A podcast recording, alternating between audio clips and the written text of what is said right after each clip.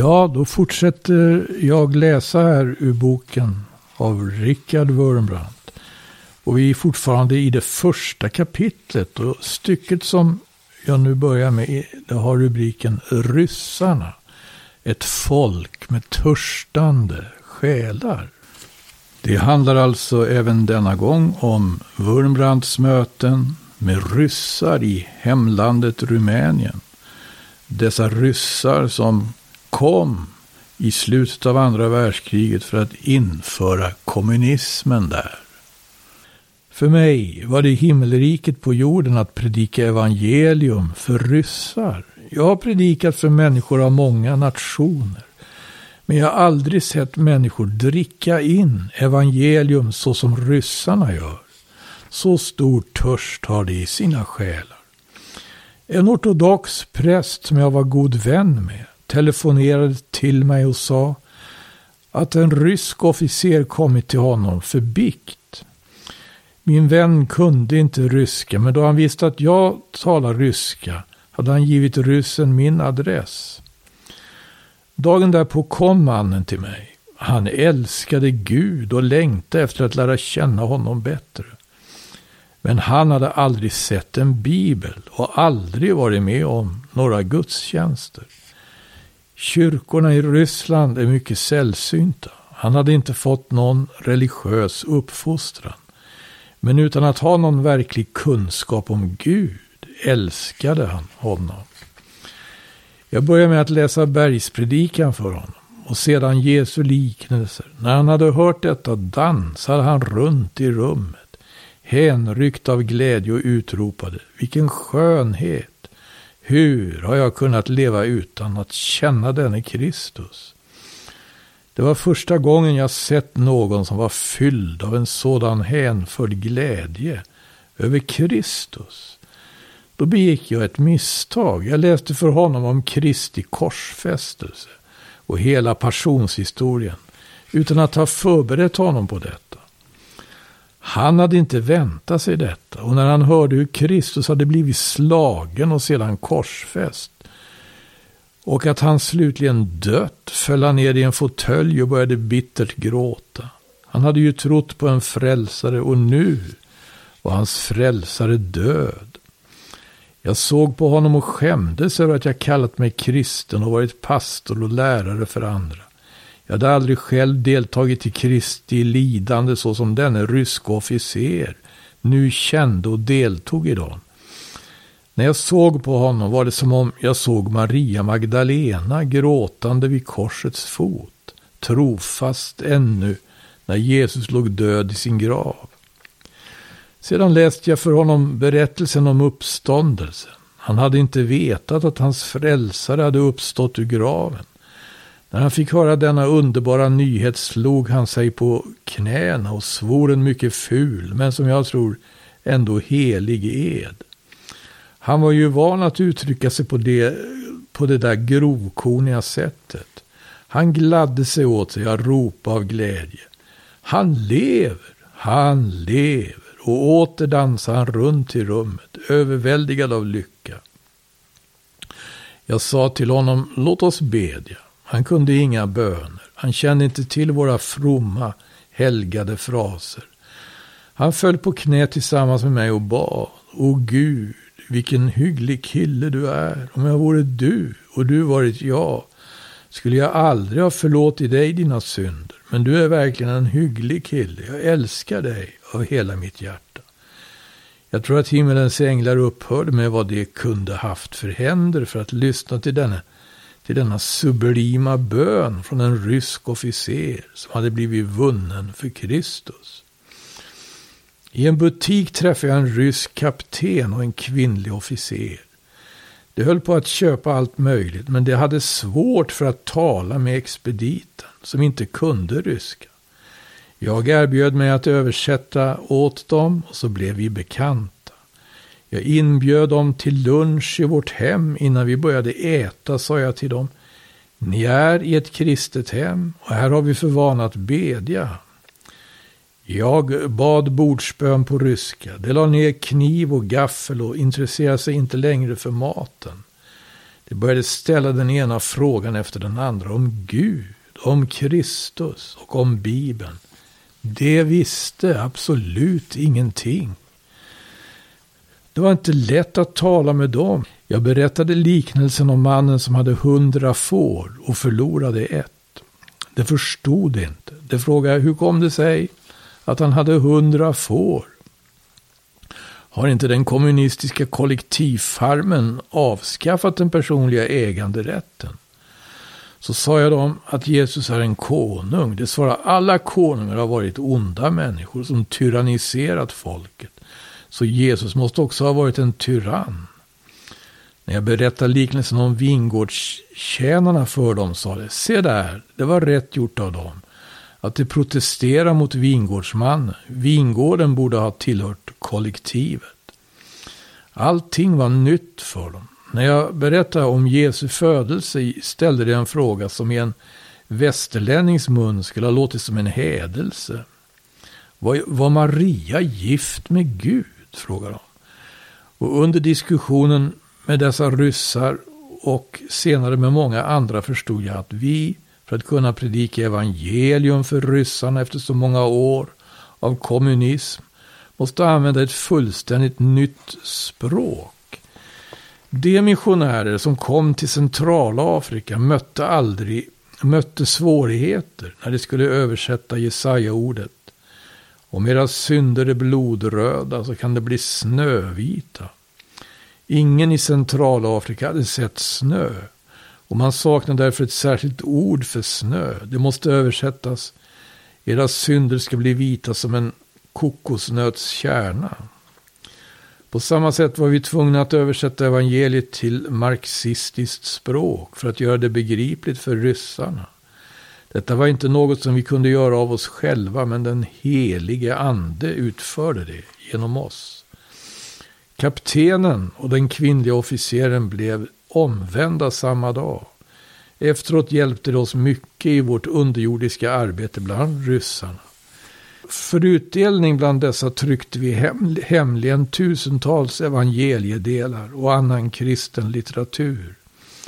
Genom de omvända ryska soldaterna kunde vi smuggla in många biblar och bibeldelar i Ryssland. Vi använde ett annat knep för att sätta Guds ord i händerna på ryssarna. De ryska soldaterna hade legat i fält många år. Och många av dem hade sina barn kvar i Ryssland och hade inte sett dem på hela tiden. Ryssarna är mycket förtjusta i sina barn. Min son Mihai och våra barn under tio år brukade gå fram till de ryska soldater som de mötte på gatorna och i parkerna och hade fickorna fulla av biblar, evangeliedelar och annan litteratur. De ryska soldaterna brukade klappa dem på huvudet och tala kärleksfullt till dem. För de tänkte på sina egna barn som de inte sett på så länge. Soldaterna brukade också ge dem choklad och barnen gav soldaterna något i gengäld. Biblar och evangeliedelar som de ivrigt tog emot. Ofta var det för farligt för oss att ge dem detta öppet, men våra barn kunde göra det fullständigt tryggt. Det var unga missionärer bland ryssarna. Resultaten var utmärkta. Många ryska soldater fick evangelium på detta sätt, när andra vägar att nå dem var stängda. Nästa stycke har rubriken Mission i ryska militärförläggningar. Vi arbetade bland ryssarna inte bara genom individuell själavinnarverksamhet. Vi hade också möjlighet att arbeta med små gruppmöten. Ryssarna var mycket förtjusta i klockor. De stal klockor genom att hejda människor på gatan och ta klockorna ifrån dem. Man kunde få se ryska kvinnliga officerare med en väckarklocka hängande om halsen. De hade aldrig haft klockor förut och kunde aldrig få nog av dem. Rumäner som önskade skaffa sig en klocka måste gå till Sovjetarméns förläggningar för att köpa en stulen klocka. Och ofta kunde det vara sina egna klockor som de på det sättet fick köpa tillbaka. Därför var det vanligt att se rumäner i de ryska barackerna. Vi från den underjordiska kyrkan hade sålunda också en god förevändning att köpa klockor när vi gick dit. Jag valde vid mitt första försök att predika i en rysk barack en ortodox festdag. Det var Sankt Pauli och Sankt Petri dag. Jag gick till militärförläggningen under förevändning att vilja köpa en klocka. Jag låtsades som att den ena var för dyr, den andra för liten och ännu en annan för stor. Flera soldater skockade sig omkring mig, allasammans för att erbjuda mig något att köpa. Och då frågade jag dem liksom på skämt, finns det någon bland er som heter Paul eller Peter? Jo, några fanns det. Då sa jag, vet ni att idag är den dag då den ortodoxa kyrkan hyllar Sankt Paulus och Sankt Petrus? Somliga av de äldre ryssarna visste detta. Sedan sa jag, vet ni vilka Paulus och Petrus egentligen var? Det, det visste ingen. Då började jag berätta för dem om Paulus och Petrus. En av de äldre ryssarna avbröt mig och sa, du har inte kommit för att köpa klockor, du har kommit för att tala till oss om den tro. Den tron. Sitt nu ner här och tala till oss. Men var försiktig, vi vet vem vi ska akta oss för. Det som står här runt omkring oss är bra människor. När jag lägger min hand på ditt knä får du bara tala om klockor. När jag tar bort min hand igen kan du fortsätta predika. Det var en ganska stor skara ryssar som stod omkring oss i förläggningen. Och jag berättade för dem om Paulus och Petrus och om Kristus, för vilken dessa givit sina liv. Allt emellanåt hände det att någon som mina lyssnare inte hade förtroende för anslutit sig till vår krets. Soldaten lade då handen på mitt knä och jag började omedelbart tala om klockor. När den spionmisstänkte gått sin väg fortsatte jag att predika om Kristus. Sådana besök gjorde jag många gånger, ofta med kristna soldaters hjälp. Många av deras kamrater fann Kristus. Tusentals evangeliedelar utdelades hemligen. Många av våra trossyskon i den underjordiska kyrkan blev arresterade och slagna för detta, men det för, förrådde aldrig något. Under detta arbete hade vi glädjen att träffa bröder från den underjordiska kyrkan i Ryssland och höra om deras erfarenhet.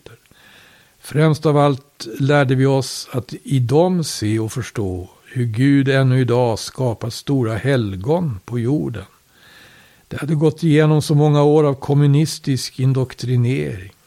Somliga av dem hade genomgått kommunistiska universitet men liksom köttet på fisken som lever i saltvatten ändå bevaras osältat så hade dessa människor gått igenom kommunistskolorna men ändå bevarat sin själ frisk och sund i tron på Kristus.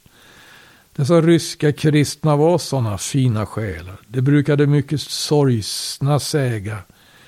Vi vet att stjärnan med hammaren och skäran som vi bär på våra mössor är Antikrists stjärna. Det hjälpte oss ivrigt att sprida evangelium bland andra ryska soldater. Jag kan säga att jag hos dem fann alla de dygder som utmärker en sann kristens liv.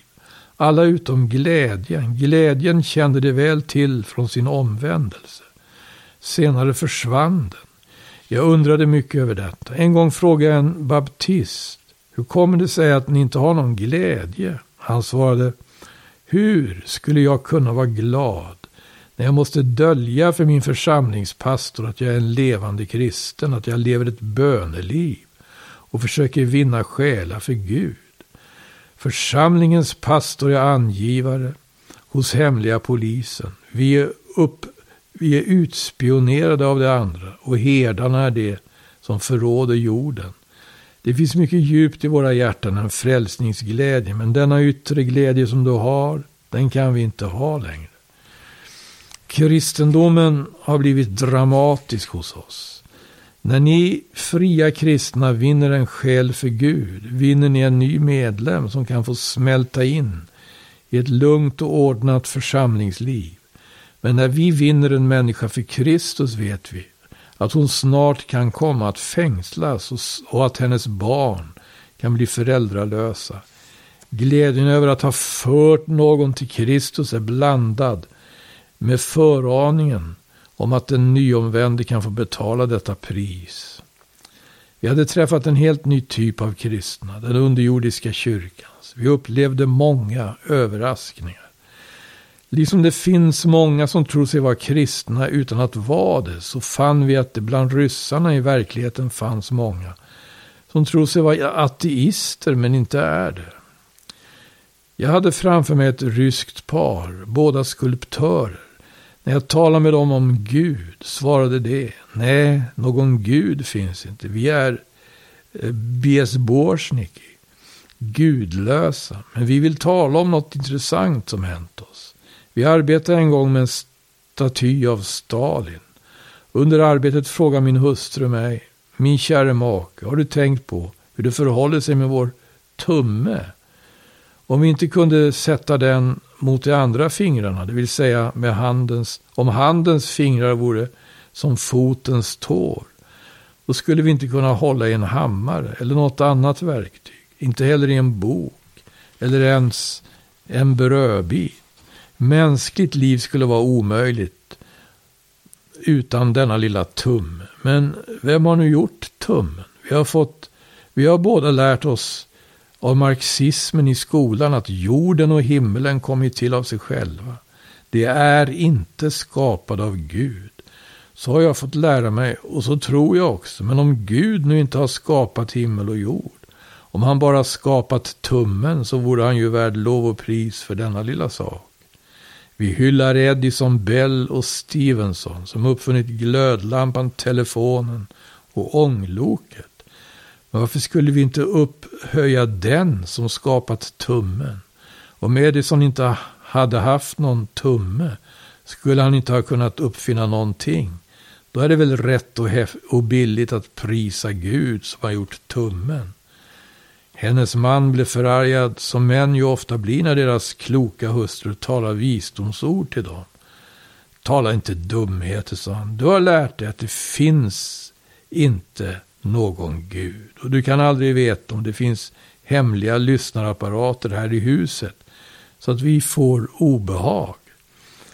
Vi var en gång för alla övertygade om att det inte finns någon Gud. I himlen finns det ingen. Hon svarade, detta är ett ännu värre, ett ännu större under. Om det i himlen skulle finnas en allsmäktig Gud, som våra förfäder i sin enfald trodde på, då vore det ju bara naturligt att vi skulle ha tummar. En allsmäktig Gud kan göra allt. Därför kan han göra en tumme också. Men om det inte finns någon i himlen är jag för min del besluten att av hela mitt hjärta dyrka den ingen som har gjort tummen. De började tro på ingen.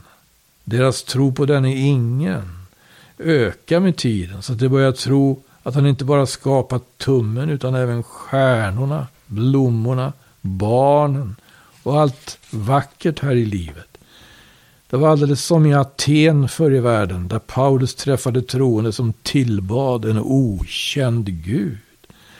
Dessa båda makar blev outsägligt lyckliga när de fick höra av mig att de hade trott rätt. Att det i himlen verkligen finns en Gud som är en nobody, i den meningen, har ingen kropp det vill säga en Gud som är ande. Kärlekens, visdomens, sanningens och kraftens ande. Som älskar dem så högt att han sände dem sin enfödde son. Som utgav sig för dem i döden. De hade trott på Gud utan att veta att de gjorde det. Jag hade förmånen att leda dem ett steg längre till erfarenheten av frälsning och återlösning genom tron på Jesus Kristus. En gång fick jag på gatan se en kvinnlig rysk officer. Jag närmade mig henne och bad om ursäkt. Jag vet att det är oartigt att tilltala en okänd dam på gatan, men jag är pastor och är ute i ärliga avsikter. Jag önskar tala med er om Kristus. Hon frågade mig, älskar ni Kristus? Jag sa ja av hela mitt hjärta. Då föll hon i mina armar och kysste mig ömt Om och om igen. Det var verkligen en besvärlig situation som jag, en pastor, råkat in i. Men jag kysste henne tillbaka i hopp om att folk skulle tro att vi var släkt. Hon utropade Jag älskar Kristus, jag också. Jag tog henne med till vårt hem. Där upptäckte jag till min häpnad att hon inte visste någonting om Kristus. Absolut ingenting. Förutom hans namn. Och ändå älskar hon honom. Hon visste inte att han är frälsaren. Inte heller vad som menas med frälsning. Hon visste inte var och hur han hade levt och dött. Hon kände inte till hans lära, hans liv eller hans verk. Hon var för mig en psykologisk gåta. Hur kan man älska någon när man bara känner hans namn? När jag närmare frågade ut henne berättade hon. När jag var barn lärde jag mig läsa med hjälp av bilder. För apa stod det A för boll, B för cykel, C och så vidare. När jag kom på gymnasiet fick jag lära mig att det var min heliga plikt att försvara mitt kommunistiska fosterland. Jag fick också lära mig kommunismens moralbegrepp. Men jag visste ju inte vare sig hur en helig plikt eller en moral såg ut. Jag ville se en bild av dessa saker, men jag kom ihåg att mina farföräldrar hade haft en tavla som framställde allt som var vackert, lovvärt och sant i livet. Min farmor brukade alltid buga sig i vördnad framför denna tavla och hon sa att detta var en bild av någon som hon kallade Kristus. Jag fattade kärlek till detta namn. Detta namn blev så verkligt för mig. Bara att uttala det skänker mig en sådan glädje. Hon mottog med glädje Kristus i mitt hem. Och nu bodde han, vars namn hon älskat personligen i hennes hjärta. Varje situation eller scen jag upplevde med ryssarna var full av poesi och djupaste innebörd. En trossyster som evangeliserade på järnvägsstationerna gav min adress till en intresserad rysk officer. En kväll kom han hem till mig, en lång, stilig löjtnant. Jag frågade honom, varmed kan jag stå till tjänst? Han svarade, jag har kommit för att få ljus. Jag började med att läsa några av de väsentligaste delarna av skriften. Han lade sin hand på min och sa, jag ber er av allt mitt hjärta att inte leda mig vilse. Jag hör till ett folk som hålls i mörker. Var vänlig och säg mig, är detta ett säkert Guds ord? Jag försäkrar honom att det förhöll sig så. Han lyssnade i timmar och tog emot Kristus. Ryssar är aldrig ytliga och grunda när det gäller religiösa frågor. Vare sig de kämpar mot religionen eller de är för densamma och söker Kristus inlägger de hela sin själ däri. Det är därför som inget land på jorden är så moget och så fruktbärande för evangeliskt arbete som Ryssland. Ryssarna är ett av de naturligen mest religiösa folken på jorden. Hela världsutvecklingen skulle kunna förändras om vi på ett målmedvetet sätt kunde ge dem evangelium. Vilken tragedi är det inte idag med detta ryska folk? Fastän de hungrar efter Guds ord ser det ut som om alla hade avskrivit dem från programmet och upphört att räkna med dem. En rysk officer satt framför mig på tåget. Jag hade talat till honom om Kristus bara några minuter då han plötsligt gav utlopp åt en flod av ateistiska argument. Marx, Stalin, Voltaire, Darwin och många andra citerade han emot Bibeln. Han gav mig inte något tillfälle till motsägelse. Han talade i nästan en hel timme för att övertyga mig om att det inte finns någon Gud. När han slutat frågade jag honom, om det inte finns någon Gud, varför ber ni då när ni råkar illa ut? Liksom en tjuv som ertappas med en stöld, svarade han. Hur vet ni att jag ber? Jag lät honom inte slippa undan. Det var jag som frågade först varför ni ber. Var god och svara på min fråga. Han böjde sitt huvud och medgav. Vid fronten, när vi var omringade av tyskarna, bad vi tillsammans. Men vi visste inte hur man bör uttrycka sig när man ber. Vårt arbete bland ryssarna gav mycken frukt. Jag kommer ihåg Piotr. Han var så ung, kanske 20 år. Han hade kommit till Rumänien med den ryska armén och blivit omvänd i ett underjordiskt möte. Han bad mig att döpa honom.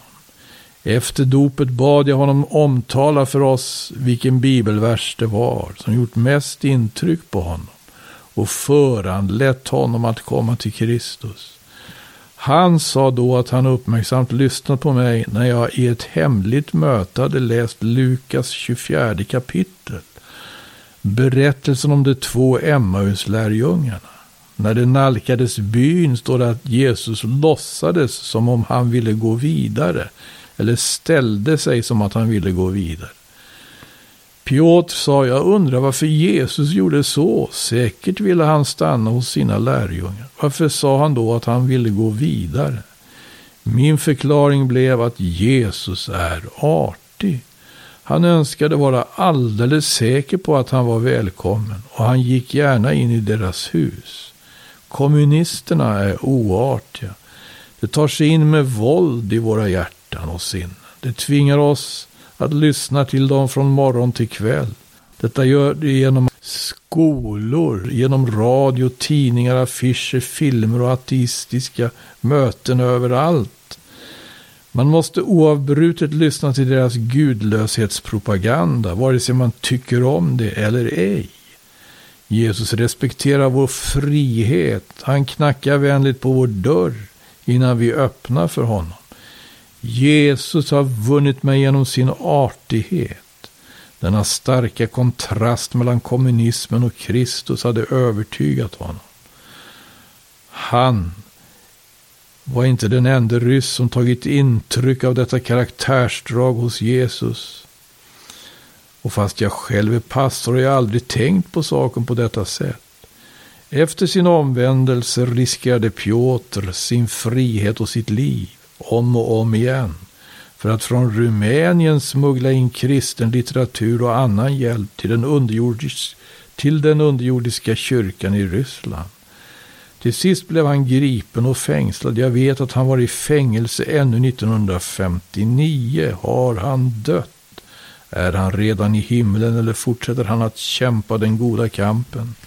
Här på jorden, det vet jag inte, endast Gud vet var han finns idag. Det fanns många fler som blev omvända liksom han. Vi borde aldrig stanna med att ha vunnit en själ för Kristus. Därmed är vårt arbete endast halvfärdigt. Varje själ som vunnits för Gud måste göras till en själavinnare. Ryssarna blev inte bara omvända utan de blev missionärer i den underjordiska kyrkan.